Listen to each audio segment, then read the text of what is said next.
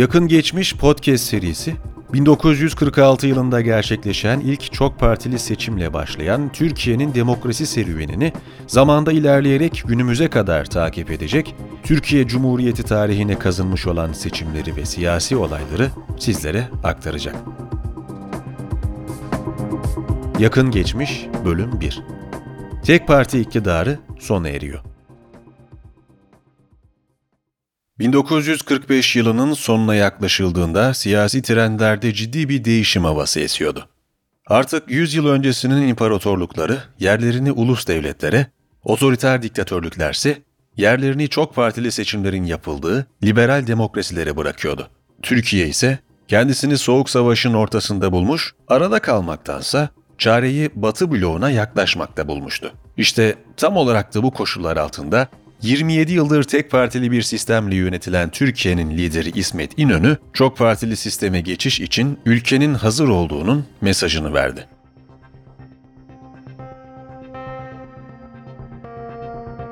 Bölüm 1 Milli Şefin Partisi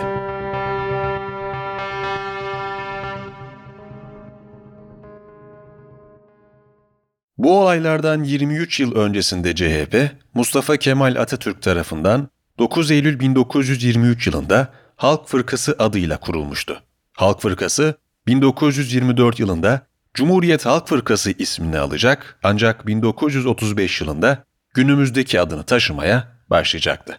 CHP kuruluşunda yatan ilkeler gereğince 1946 yılına kadar devletçi politikaların üretildiği milliyetçi bir ideolojiyle hareket etmekteydi. Önce Atatürk'ün, sonrasında ise İnönü'nün liderliğini yaptığı CHP, 1946 yılına kadar milli üretimin korunmaya ve geliştirilmeye çalışıldığı politikalara imza atmıştı. Bu dönemde yapılan üretimin büyük bir kısmını ya devlet ya da devlet güdümündeki işletmeler yapıyordu. Korumacı ve devletçi tutum sebebiyle otoriter uygulamalarında yapıldığı bu dönemde çok partili seçim sistemine iki defa geçiş denemesi yapılmış fakat biri 1924 yılında Terakkiperver Cumhuriyet Fırkası ile diğeri de 1930 yılında Serbest Cumhuriyet Fırkası ile denenen bu hamleler dönem siyasetindeki sorunlar sebebiyle seçime gidemeden son bulmuştu.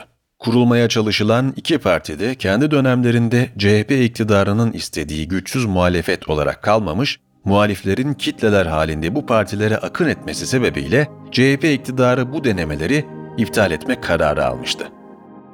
Reis Cumhur sıfatıyla Cumhuriyetin kanunlarına ve hakimiyeti milliye esaslarına riayet ve bunları müdafaa, Türk milletinin saadetine, sadıkane ve bütün hizmetinle sarf-ı mesai, Türk devletine teveccüh edecek her tehlikeyi kemal şiddetle men, Türkiye'nin şan şerefini vikaya ve ilaya ve devlette ettiğim vazifenin, vazifenin icabatına hasret etmekten ayrılmayacağıma nametin üzerine söz verdi. Az önce dinlediğiniz kesit 1938 senesinde İsmet İnönü'nün Türkiye Büyük Millet Meclisi'nde Türkiye Cumhuriyeti'nin ikinci Cumhurbaşkanı olarak yaptığı ilk konuşmaya ait. Milli Şef İsmet İnönü önderliğindeki CHP, Cumhuriyet'in kuruluşundan beri süre gelen politikalarını sürdürme kararı almıştı. 27 yıl süresince tek iktidar olan bu partinin iç politikaları ise oldukça karışıktı. Bu karışıklığın sebebi ise CHP'nin tek parti olduğu dönemde siyasi hayata atılmış tüm nüfuzlu bireyleri aynı çatı altında topluyor olmasından geçiyordu. Çok partili sisteme geçilmesinden itibaren CHP'nin rakipleri olacak partilerde aynı sebeple kendi içerisinden ayrılmış gruplar tarafından kurulacak partiler olacaktı. Bölüm 2 Demokrat Parti'nin ayak sesleri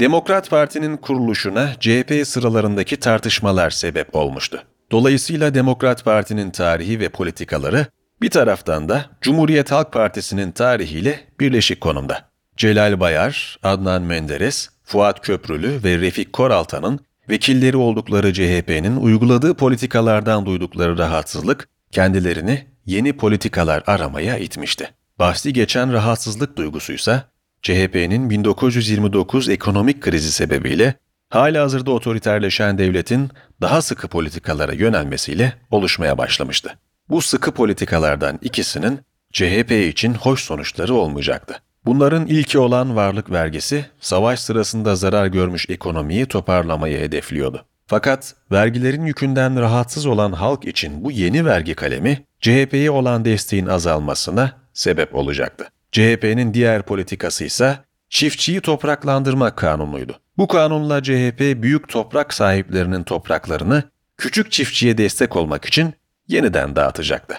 Aynı şekilde bu politikada CHP'nin istediği etkiyi yaratamamış ve kendisine duyulan desteğin sarsılmasıyla sonuçlanmıştı. Nihayetinde toprak sahipleri yeniden dağıtılması gereken arazilerin kendilerininki değil, ülkenin tarım yapılan arazilerinin çoğunu tek elinde bulunduran devletin arazileri olması gerektiğini düşünüyordu. Tüm bu olayların takibinde ise meclis içerisinde dönen tartışmalar vardı. Celal Bayar ve Adnan Menderes'in başını çektiği bir grup vekil, 1945 yılı meclis bütçe görüşmeleri sırasında red oyu vermiş, Demokrat Parti'nin kuruluşuyla bitecek parti içi tartışmaları ateşlemişti. Bir sonraki büyük kırılma ise çiftçiyi topraklandırma kanunu görüşmeleri sırasında yaşanmış, Adnan Menderes ve Celal Bayar'ın yasa tasarısı hakkında yaptıkları sert çıkışlar meclisi kaosa sürüklemişti. Bu olayın takibindeki günlerde ise Adnan Menderes, Celal Bayar, Fuat Köprülü ve Refik Koraltan CHP'ye dörtlü takrir adı verilen bir önerge götürdüler. Bu önergeyle muhalif grup, CHP iktidarından otoriter politikalardan geri dönülmesini, çok partili hayata geçilmesini ve demokratik prensiplerin uygulandığı bir sistemin oluşturulmasını talep ediyordu. Dörtlü takririn verilmesinin ardından önerge sahiplerinin basın yoluyla CHP'yi protesto etmesi sebebiyle CHP yönetimi harekete geçmiş ve Menderes, Koraltan ve Köprülü Cumhuriyet Halk Partisi'nden ihraç edilmişlerdi. Bu olayın takibinde ise Bayar hem partideki görevinden hem de milletvekilliği görevinden istifa etmiş, yeni bir parti kuracağını duyurmuştu. 7 Ocak 1946 tarihinde resmi olarak kurulan Demokrat Parti, içinden ayrıldığı CHP'nin aksine daha liberal politikalar üretmeyi amaçlıyor, CHP'nin sıktığı kemeri çözeceğinin sözlerini veriyordu. 27 yıllık iktidarın ardından devletle bütünleşmiş olan CHP, halkın gözünde ekonomik sıkıntılar sebebiyle suçlanıyor, her geçen gün Demokrat Parti'ye karşı popülerliğini kaybediyordu. CHP'nin güçsüz bir muhalefet olacağını tahmin ettiği Demokrat Parti, beklentileri haksız çıkarınca CHP iktidarı hızlı bir kararla 1946 belediye seçimlerini erken alma kararı aldı. Daha örgütlenmesini tamamlayamayan Demokrat Parti vekilleri ise belediye seçimlerine katılamayacaklarını duyurmak durumunda kaldı. 1946 belediye seçimleri CHP iktidarının tek başına katıldığı son seçim olarak tarihe geçecekti. İlerleyen aylarda CHP birden fazla partinin katılacağı ilk genel seçimden zaferle çıkmak için son bir hamle daha yaptı. Ani bir oylamayla kabul edilen tasarıya göre genel seçimler erkene alınacak ve 21 Temmuz tarihinde yapılacaktı. Fakat bu sefer Demokrat Parti seçime katılma kararı alacaktı. 1946 senesinin 21 Temmuz sabahı Türkiye yeni bir siyasal fenomenle uyandı. Artık oy pusulasında CHP tek tercih değildi. Fakat bu tarihte yapılan seçim günümüz seçimlerinden farklıydı. Liste usulü çoğunluk sistemi olarak bilinen bu seçim sisteminde hangi siyasi parti seçimin yapıldığı ilde daha fazla oy alırsa bahsi geçen ilin çıkarabildiği tüm milletvekillerini kendi partisinden çıkarıyordu. Buna ek olaraksa 1946 seçimleri açık oy gizli tasnif sistemiyle yapılacaktı. Dolayısıyla seçmenler verdikleri oyu sandık başkanına gösterecek ama oyların sayımı kamuya kapalı yapılacaktı. Kullanılan sistem demokratik prensiplerin dışında olmasının yanı sıra seçim yapılırken bir adli denetim sisteminin bulunmaması 1946 seçimlerine duyulan güveni azaltacaktı.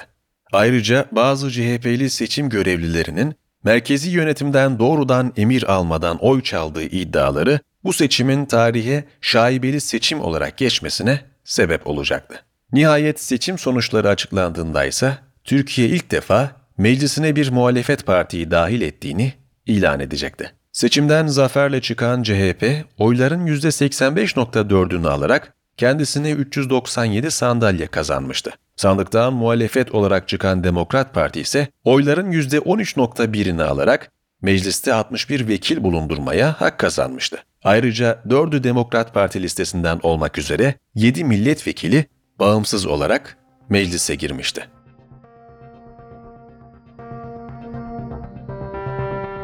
Bölüm 3 İktidar değişiyor. 1946 genel seçimleri neticesinde Türkiye yeni bir döneme girmiş oldu. Her ne kadar CHP iktidarı yerini korumuş olsa da artık yönetimi sarsılmaz değildi ve yeni dönemde rekabet etmesi gereken bir muhalefet partisi bulunuyordu. Demokrat Parti vekilleri ülkenin sorunlarının liberal politikalar üretilerek çözülebileceğini savunuyor, demokratik kuruluşların oluşturulmasını gerekli görüyordu. Bu çizgi üzerinden CHP'nin devletçi politikaları eleştiriliyor, devletin tüm piyasalarda bulunmaması gerektiği öne sürülüyordu. Bir bakıma Demokrat Parti ülkenin geçmişte geçirdiği ve hala içerisinde bulunduğu bunalımların CHP'nin yanlış politikaları sebebiyle olduğunu kitlelere haykırıyordu. Esasen öteden beri milletçe kalkınmamızın düşmanı kesilmediler mi? Şimdiye kadar memleketin muvaffakiyetlerinden birisini dahi kale alıp bahsettiler mi? Türk milletinin zeka ve gayretinin mahsulü olan binbir eserden birisine bile başlarını çevirip baktılar mı? Milletin olan her güzel şeyden birisini dahi benimsemek faziletini gösterdiler mi? Hayır. Aksine olarak her muvaffakiyeti bir felaket, her güzel ve muhteşem eseri bir zarar diye göstermek için seneler ve senelerdir nasıl çırpındıklarını milletçe bilmiyor muyuz? Adnan Menderes'in ağzından dinlediğiniz konuşma, iki parti arasındaki eleştiri tonunun ne kadar sertleştiğine güzel bir örnek oluşturuyor. Öte yandan CHP iktidarı da bu suçlamaları cevapsız bırakmıyor, ülkenin kurucu partisinin her şansta ülke halkını ve refahını koruduğunu ifade ediyordu. Karşılıklı suçlamalar Haziran ayına kadar devam etti. Haziran ayında ise CHP lideri İnönü, Demokrat Parti lideri Bayar'la görüşmeye başladı. Bu görüşmelerin sonunda ise iki parti karşılıklı bir yumuşama evresine girdi. Bu dönemde düşmanca tavırlar azalsa dahi rekabet iki parti arasında devam ediyordu. Fakat yaşanan uzlaşma süreci Demokrat Parti içerisinde bir kırılmaya sebebiyet verdi. 1947-48 yılları arasında Demokrat Parti'nin iktidara karşı yumuşadığı iddiaları parti içerisinde tartışmalara yol açmıştı. Bu tartışmaların en kırıcı noktalarından birisi ise Demokrat Parti lideri Bayar'ın devri sabık yaratmayacağız sözleriydi. İktidara gelirsek geçmiş davranışlarınızla sizi yargılamayacağız anlamına gelen bu sözler her ne kadar iktidar partisini demokratik seçimler yapılmasına ikna etmek amacıyla söylenmişse de Demokrat Parti vekilleri arasından bir grup partilerinin artık yozlaştığı ve göstermelik bir muhalefete dönüştüğünü iddia ettiler. Bu tartışmalar Mareşal Fevzi Çakmakpaşa ve Osman Bölükbaşı gibi isimlerin başını çektiği bir grup vekilin partiden ihraç ya da istifa yoluyla ayrılmasıyla sonuçlandı. Bu vekiller 20 Temmuz 1948 tarihinde Millet Partisi'ni kurdular ve hem Demokrat Parti'ye karşı hem de iktidar partisi CHP'ye karşı sert eleştiriler üretmeye başladılar. 14 Mayıs 1950 sabahı Türkiye bu sefer oy pusulasında 3 partiyle karşılaşacaktı. Alınan önlemler ve getirilen yenilikler sayesinde daha demokratik bir ortamda yapılan seçimlerin sayım işlemi kamuya açık olarak yapılacak, seçmenler oy kullanırken oylarını kimseye göstermek zorunda kalmayacaktı. Üç partinin de heyecanla zaferi beklediği seçimin kazananı ise Türkiye'nin siyasi tarihini değiştirecekti. Seçim sonuçları açıklandığında CHP iktidarı bir yıkımla karşılaştı. Ülkenin kuruluşundan beri iktidarı hiç kaybetmemiş hatta paylaşmamış olan CHP sandıktan ana muhalefet partisi olarak çıkmıştı. Oyların %55.2'sini alan Demokrat Parti, iktidarı kurma görevini CHP'den devralacak ve çıkardığı 416 vekille meclis sıralarında ezici bir çoğunluğa sahip olacaktı. Sandıktan ikinci çıkan CHP ise oyların %39.6'sını almış fakat liste usulü çoğunluk sistemi sebebiyle sadece 69 vekille meclise girebilmişti. Sandıktan sonuncu olarak çıkan Millet Partisi ise oyların %4.6'sını almış ve sadece bir vekil çıkarabilmişti.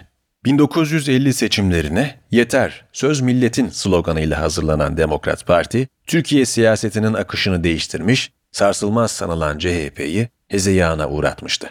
Seçimi takip eden günlerde Demokrat Parti lideri Celal Bayar, Türkiye Cumhuriyeti'nin 3. Cumhurbaşkanı seçildi. Bayar'ın ayrıldığı Demokrat Parti liderliğine Adnan Menderes getirildi ve kendisine hükümeti kurma görevi verildi.